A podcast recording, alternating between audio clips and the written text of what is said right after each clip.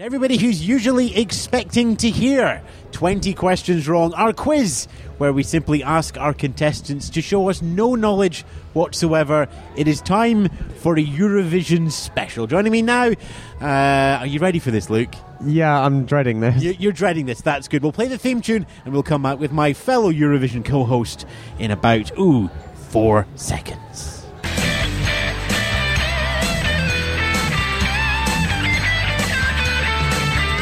No Tom Dibden to do the scary voice, but it's time to play 20 Questions Wrong. It is Friday, the 29th of November. Happy birthday to my mum. Uh, and it is time to play 20 Questions Wrong. Let's meet today's contestant.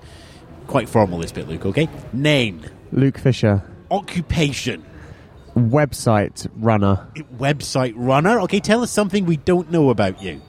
I also liked watching ice hockey. Favorite ice hockey team? Uh, Colorado Avalanche. Colorado Avalanche. We'll just take out the Colorado Avalanche question out of there. Uh, That okay. well-known Eurovision piece of trivia. Indeed, yes. Uh, Luke, you've two and a half minutes, and we're going to ask you to get 20 questions wrong in a row. I'll ask you a series of multiple choice questions. All but one of them is based around the Eurovision Song Contest. All you have to do is give me the wrong answer. Not an answer that doesn't appear in the choices. Okay, and there's no not going to be any like klaxon going off if I give the obvious wrong answer. If you get, there is a klaxon, you get a klaxon if you get the right answer. It goes like this. Okay, so I've got to give you the wrong answer from the multiple choice. I can't That's just correct, hear the yes. question, you know, And make who one won the first Eurovision Song Contest. I can't just say Libya. Right. Yes. But if I say Switzerland, Although that's a tricky one because Switzerland won and didn't win the first Eurovision Song Yeah, Contest okay. in 1956 because every country could enter twice. Yes, there we go. Technicalities, by the way, if you start bringing up technicalities, that still counts in your two and a half minutes. So I would just suggest that you go with whatever the quiz master has decided and move on. Okay. So you can is that interrupt. what you tell Vicky? Yep. You can interrupt the questions if you fail to answer. You can be right answer. You hear the klaxon as we've heard. We go back to the first question and we start again. The timer keeps running. After the time is up, you've got five points for every wrong answer in your longest chain. So if you get eight wrong in a row, you'll get 40 points, and that will equal the lowest score on our high score table from Junior Simpson. Okay. Okay, and we've got right up uh, to there. We will have round two where you have a chance to double your score, but we will come on to that in a second. Happy at all that? Yes. Yes, as he shakes Not really his any head. choice, do I? You've chained me to the chair. There is that as well. Yes, Luke, two and a half minutes. Remember, we're getting them wrong. It is time to play twenty questions wrong. Luke or Fisher? Which king is the name of Terry Gilliam's 1991 film? Luke, 1957 or 1958? Corey Brocken won which Eurovision Song Contest? 1958. Eight or nine? How many Thomas Giasson songs have qualified for the Eurovision Song Contest? Eight. That's the right answer. Question one: Luke or Fisher? Which king is the name of Luke. Terry Gill- 1957 or 57. 1958? Yeah, what? Don't forget that we're going on there. Try again. Question one: Luke or Fisher? Luke. 1957 or 1958? 57. Corey Brocken- Corey Brocken won one which Eurovision Song Contest? It was 1957. We need you to say 1958. 58. Yes. Question one: Luke or Fisher? Which Luke. king is the 1957? 58. Eight or nine? How many Thomas Dewey songs? Nine. Have? Fifth or sixth? What is Portugal's highest position in the Eurovision Song Contest? Sixth. It is, yes. Question one, Luke or Fisher? Which king is the name Luke, of 58, 1957? 9. Fi- Fifth or sixth, which is Portugal's Fifth. highest? Two or three? How many national finals did Ukraine hold in 2010? 3. Keith Mills or Dermot Manning? Who managed Black Lace at Eurovision 1979? Have to hurry out. Out of time. Mills. Question one, Luke or Fisher? Luke, Which king? 58. Nineteen- Eight or nine? How many Thomas G. Nine. songs? Fifth or Six. sixth? What is Portugal's highest? It's fifth.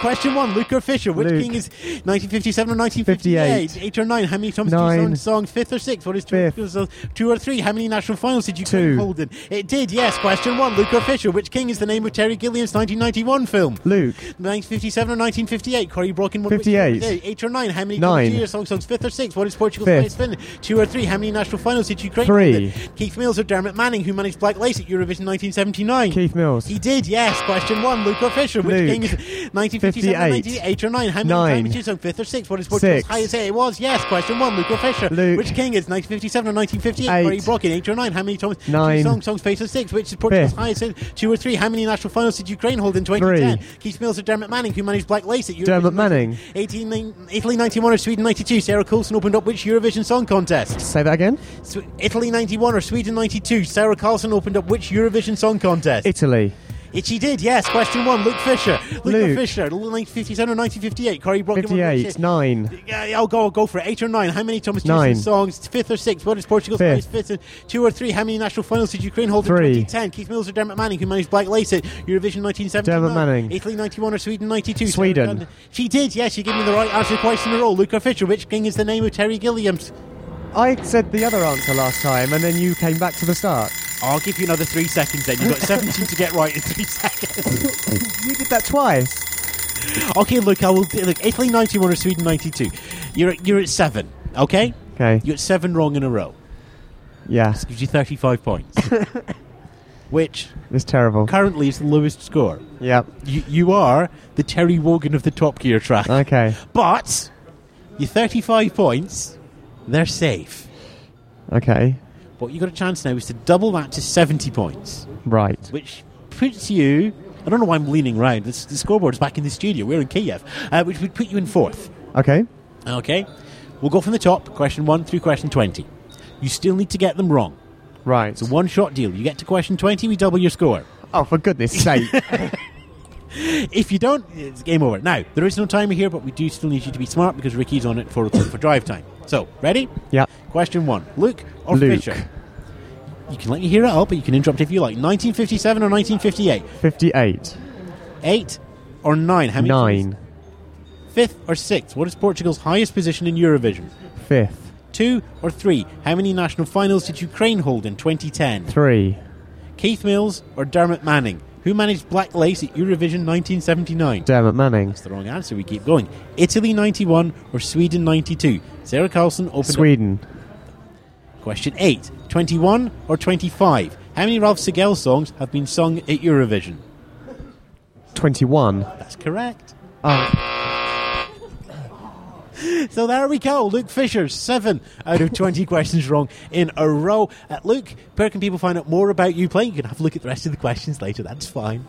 where can people find out more about what? well, yourself uh, and Eurovision in general.